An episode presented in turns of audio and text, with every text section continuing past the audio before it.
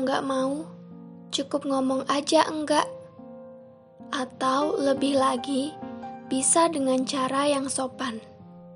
Gak perlu menjatuhkan, karena gak ada manusia yang sempurna. Bisa jadi, apa yang kamu katakan menjadi trauma untuk orang itu. Cukup ngomong enggak, itu udah buat orang itu mengerti kok